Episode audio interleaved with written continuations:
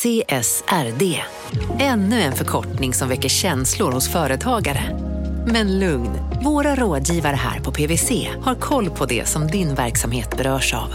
Från hållbarhetslösningar och nya regelverk till affärsutveckling och ansvarsfulla AI-strategier. Välkommen till PWC. Välkomna sommaren med att... Res med Stena Line i sommar och gör det mesta av din semester. Ta bilen till Danmark, Tyskland, Lettland, Polen och resten av Europa. Se alla våra destinationer och boka nu på stenaline.se. Välkommen ombord! Det där var för att uppmärksamma er på att McDonalds nu ger fina deals i sin app till alla som slänger sin takeaway förpackning på rätt ställe. Även om skräpet kommer från andra snabbmatsrestauranger som exempelvis Ma... Eller till exempel Burger...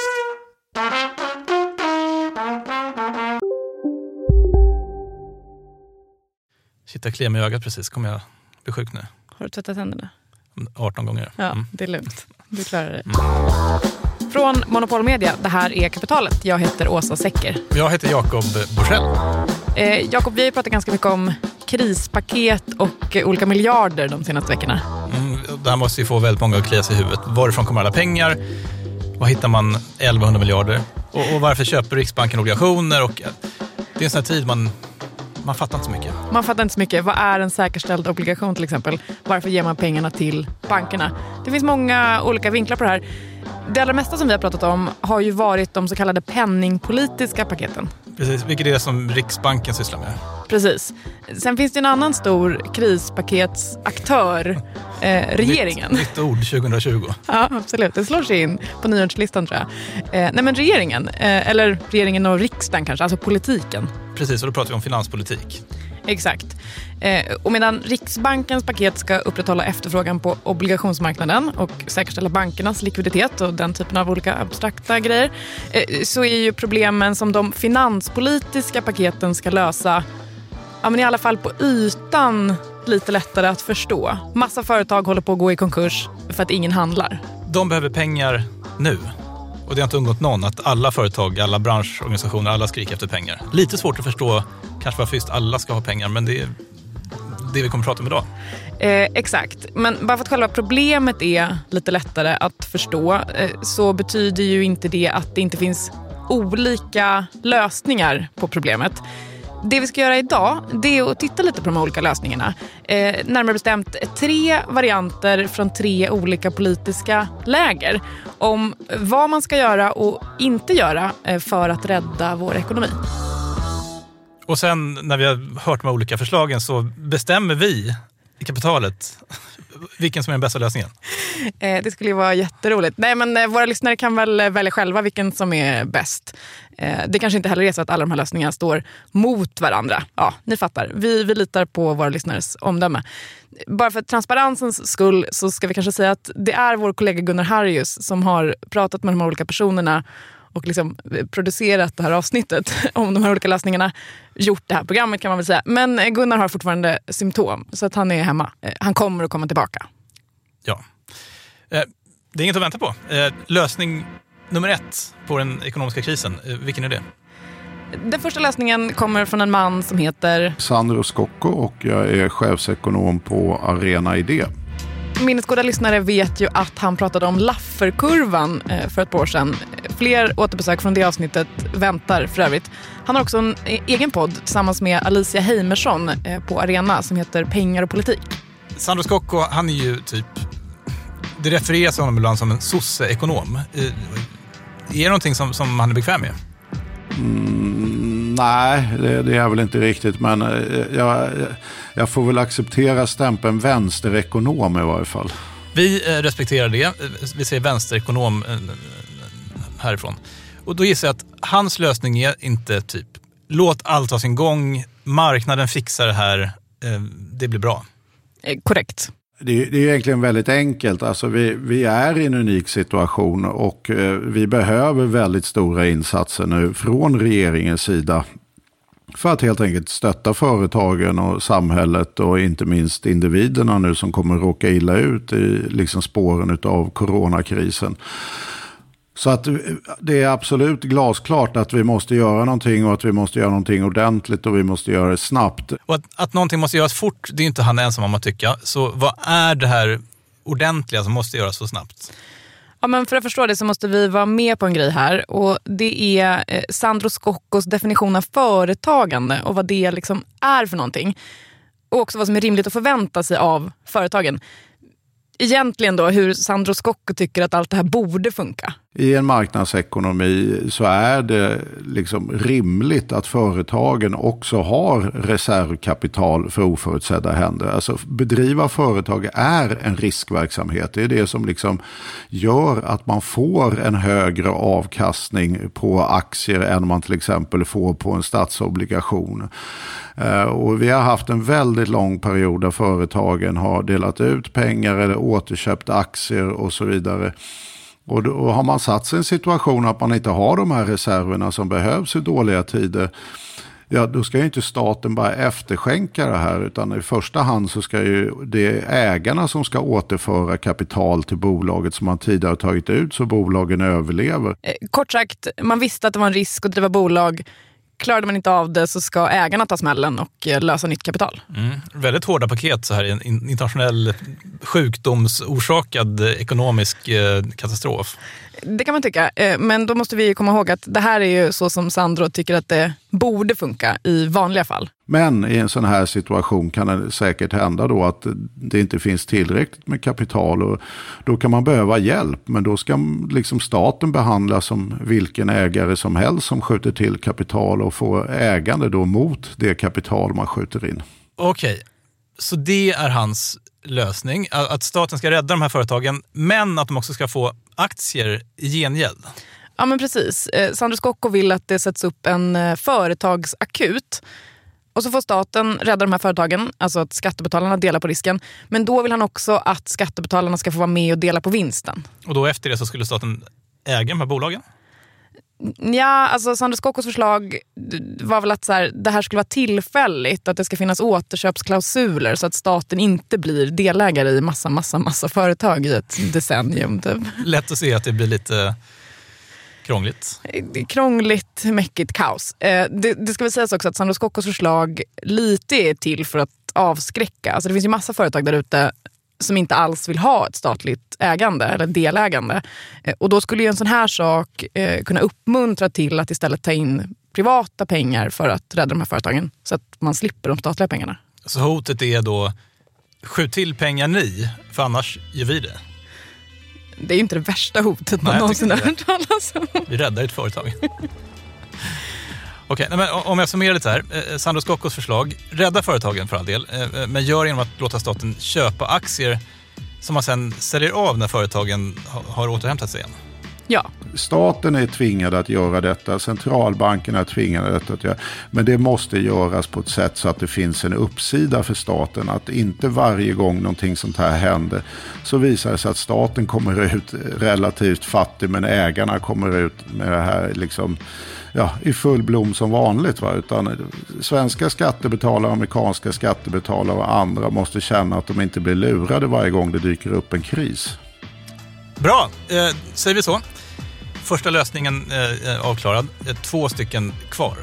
Jag måste bara säga det, att det är otroligt lyxigt att vi liksom bjuder på tre lösningar. Många poddar hade ju nöjt sig med en. alla bara pratar om problem hela tiden. Exakt. Här kommer de. Tre på rad, lösningar på alla problem. Eh, men det är den här typen av eh, arbetsmoral som vi eh, gärna vill uppvisa, kapitalet. De andra lösningarna, de kommer efter det här.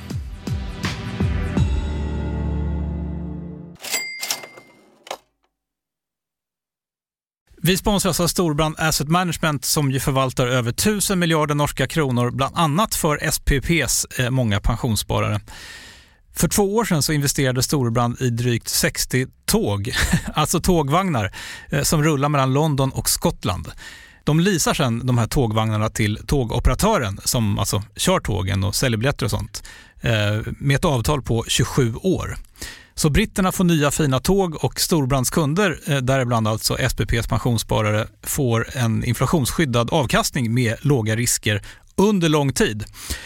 Det här är ett av supermånga exempel på hur pensionskapitalet i växande omfattning bidrar till att bygga samhället och inte minst till att klara klimatmålen. Det behövs elproduktion, elnät, batteriparker, nya transportlösningar och allt möjligt. Bara i Europa antas investeringsbehovet för att klara klimatmålen uppgå till tusentals miljarder dollar. Och det här är ju pengar som ganska ofta saknas i statsbudgetarna. Däremot är det här pengar som pensionsbolagen kan vara med eh, och stoppa in, vilket ger pensionsspararna en fin avkastning under lång tid samtidigt som man är med och ställer om samhället. Vi har gjort ett helt avsnitt om det här eh, som man kan lyssna på. Det publiceras här i Kapitalet i mitten av maj. Ratta gärna in det om ni vill lära er mer om hur det här funkar. Men tack säger vi till Storbrand Asset Management som ju investerar i alla tänkbara tillgångslag, bland annat för pensionsbolaget SPP. Och tillsammans försöker ju vi, Storbrand och SPP öka medvetenheten om hur pensionerna funkar och vilken roll pensionerna spelar i samhället och i ekonomin.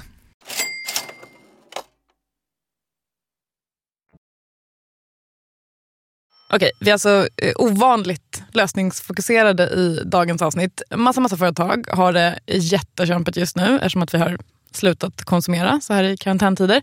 Eh, olika saker måste göras eller inte göras. Vi pratar med folk som eh, tror sig veta vad. Ja, vi kan säga att vi sonderar terrängen efter potentiella lösningar Eh, på den här ekonomiska krisen. Ja, men något sånt. Eh, och vi har precis hört vänsterekonomen Sandro Scocco prata om att eh, han tycker att staten borde köpa aktier i företagen så att de får en del av den så kallade uppsidan. Alltså att staten då ska kunna ta del av eventuella framtida vinster som ett litet tack för att de gick in med pengar i företagen. Exakt, och sen ska de sälja tillbaka aktierna till något slags marknadspris när allt är normalt igen. Så, eh, det var lösning nummer ett. Nu till eh, variant eh, nummer två. Som kommer lite längre högerifrån.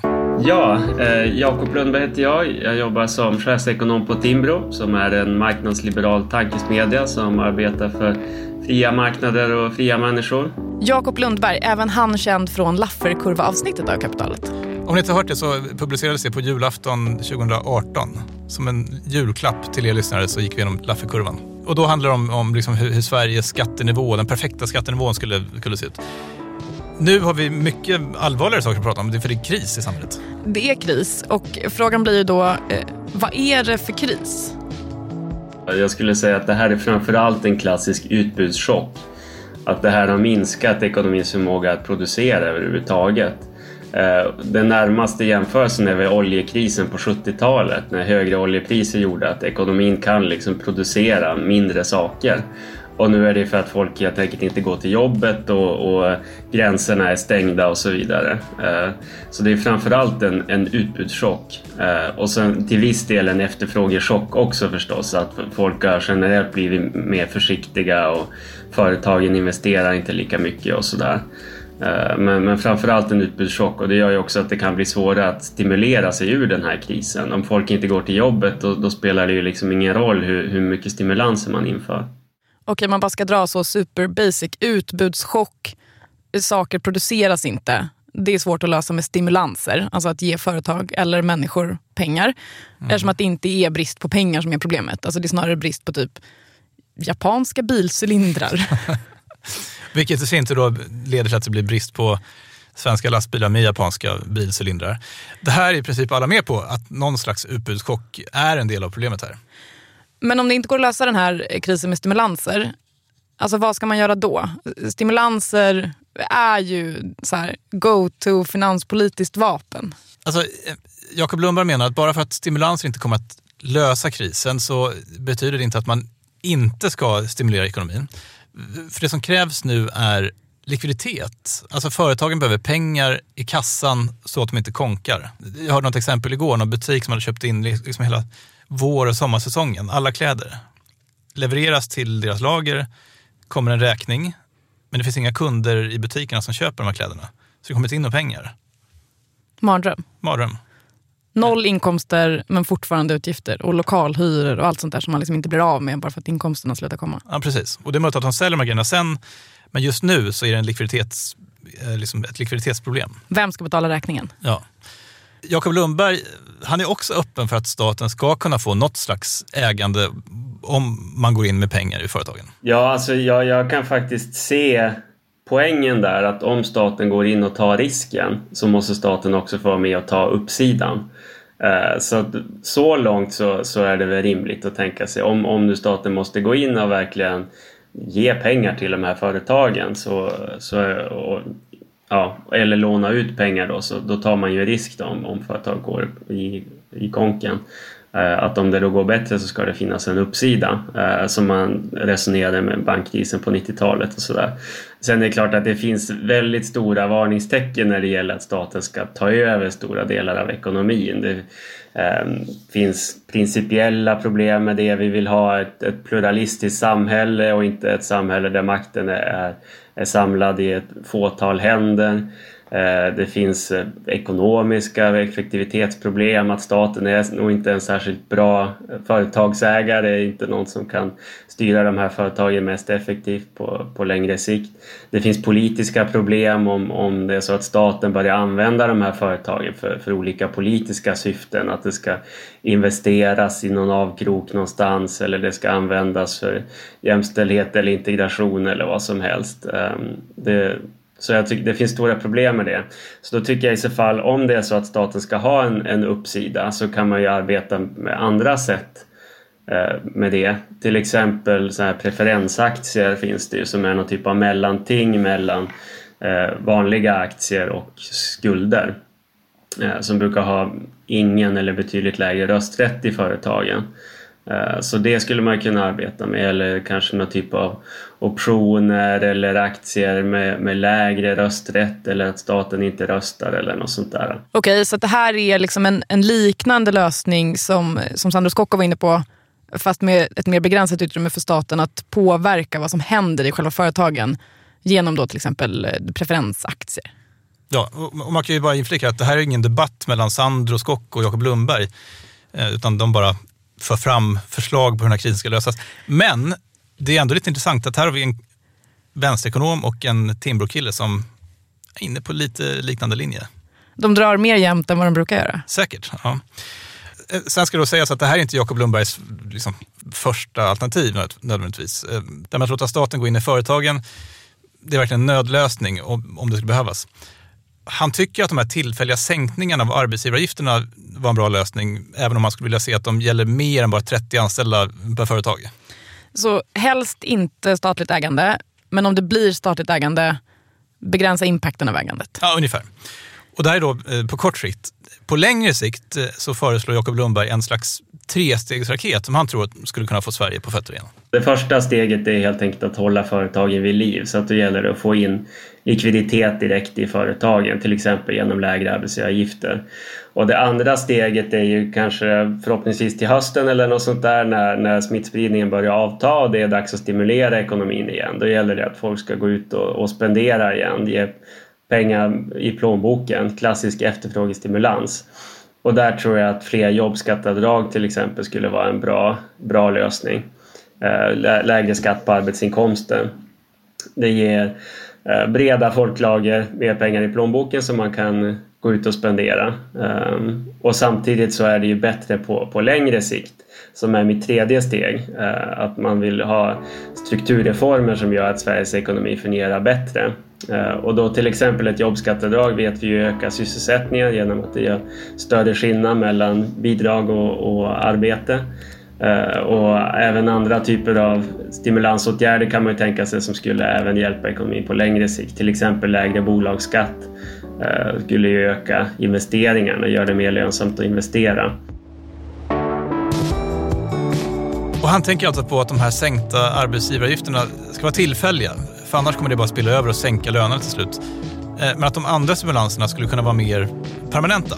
Eh, Okej, okay, eh, men eh, två lösningar down då, en kvar. Alltså gud, vi ligger verkligen inte på latsidan. Otroligt bra. Snart, när vi kommer ut i studion så kommer problemen vara borta. är det så det funkar? Fantastiskt. Eh, den sista lösningen på krisen, en lösning som inte är en lösning, men ändå är en lösning. Eh, efter det här.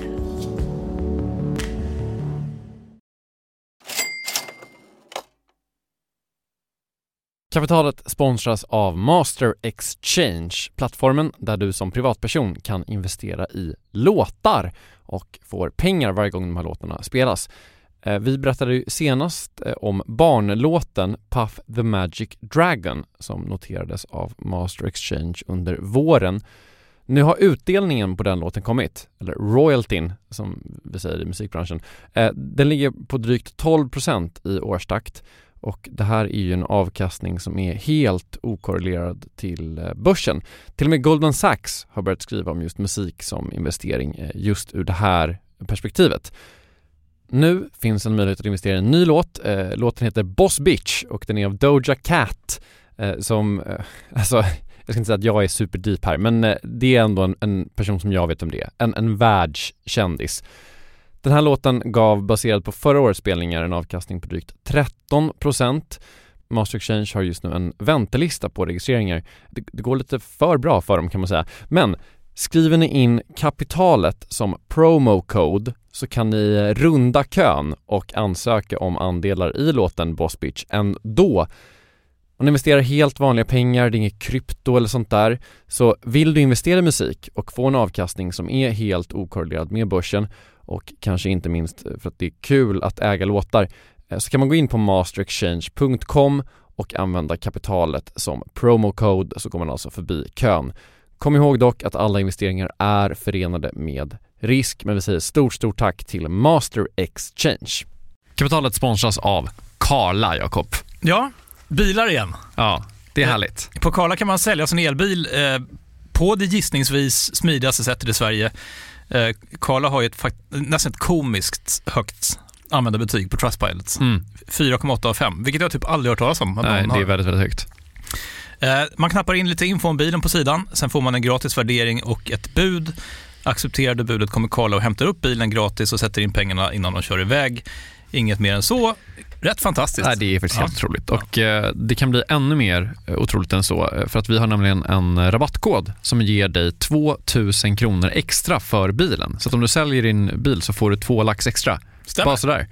Eh, koden är Monopol och Eh, den uppger du när du har värderat bilen och eh, pratat med Karlas inköpare. Koden är giltig till sista maj, så att passa på om du går i säljartankar. Jag undrar om vi haft en kod som har gett två lax bara sådär någon gång? Nej. Det är helt otroligt. Mm. Man behöver en bil förvisso. Absolut, så det är kanske inte bara sådär, men det är ändå 2000 kronor extra. Väldigt bra. Ja. Så sälj din elbil eller laddhybrid till Karla. Du får 2000 kronor extra med rabattkoden Monopol. Eh, hoppa in och kolla på karla.se Karla Museet. Där kan man också köpa bilar ska jag tillägga. Verkligen. Vi säger stort tack till Karla. Hittills har vi då fått eh, en lösning serverad av Sandro Scocco, vänsterekonomen som eh, går ut på att företagen ja, så långt det går borde skjuta till egna pengar eh, för att det innebär trots allt risker att bedriva företag. Men om de inte klarar det så ska staten ta risken och också få en belöning för det, eller liksom få en del av uppsidan. Och sen fick vi en lösning från Jakob Lundberg på Timbro. Eh, han tycker att eh, man i första hand borde så här, stimulera företagen genom sänkta arbetsgivaravgifter och sänkta skatter. Men i värsta fall så är det okej att staten går in och, och tar en del av risken men också får en del av belöningen, men inte makten. Just det, så snarlika förslag kan man faktiskt säga. Det kan man. Eh, nu är vi då framme vid eh, den tredje lösningen. Och du sa ju då före reklamavbrottet att det inte är en lösning, men det här är en lösning. Det kommer klarna, jag lovar. Lösningen som inte är en lösning, men som också är en lösning, eh, kommer från... Eh, Klaus Bernpaintner. Klaus Bernpaintner. Eh, han är ledamot i Ludwig von Mises-institutet i Sverige som är en tankesmedja som håller på med två saker. Libertarianism och österrikisk ekonomi. Har man inte koll på vad det här är för något så tror jag att det kommer att framgå alldeles strax. Mm, och ett ord där som jag har lärt mig som är svårt att uttala, ungefär lika svårt som epidemiolog, det är icke-interventionism. Jag tror att det är, de håller, det är sånt de håller på med. Om vi börjar med eh, det vi pratade om innan då, eh, det här med att staten skulle kunna gå in i företag och få aktier i utbyte. Vad tycker Klaus om det? Ja, alltså om, om staten nu går in och gör det så kan man ju resonera för att eh, det är inte mer än rätt då. Att skattebetalarna som är med och finansierar också ska ha en del av kakan. Så här har vi alltså en situation där alla i programmet är helt överens. Mysigt. Men? Eh, jag är av uppfattningen att staten inte ska ta dina och mina skattepengar till att, som de kallar rädda bolag. Då. Så staten ska inte ge pengar till bolagen. Eh, den, den här likviditetskrisen som vi eh, pratar om så mycket nu, vad ska vi åt den då? Eh, bra fråga. Det här då som jag tror att det här med libertarianism och österrikisk ekonomi kommer att bli lite mer begripligt. Eh, vi kanske ska säga att ljudkvaliteten i den här intervjun den, den varierar lite, så bli inte rädda nu när den plötsligt är ganska bra. Det som bör ske är att företagen som krisar själva ska få lösa sina problem. De kan söka finansiering hos aktieägare. De kan söka finansiering hos banken. Det, det finns procedurer för det här sedan länge. Utarbetade, beprövade. Konkurs är en eh, variant där företaget övergår, företagets kapital övergår i någon annans händer. Med andra ord, staten har inte med företag att göra. Vill man överleva som företag så får man gå till aktieägarna och be om pengar. Annars får man ta ett lån eh, och funkar inte det så får man gå i konkurs.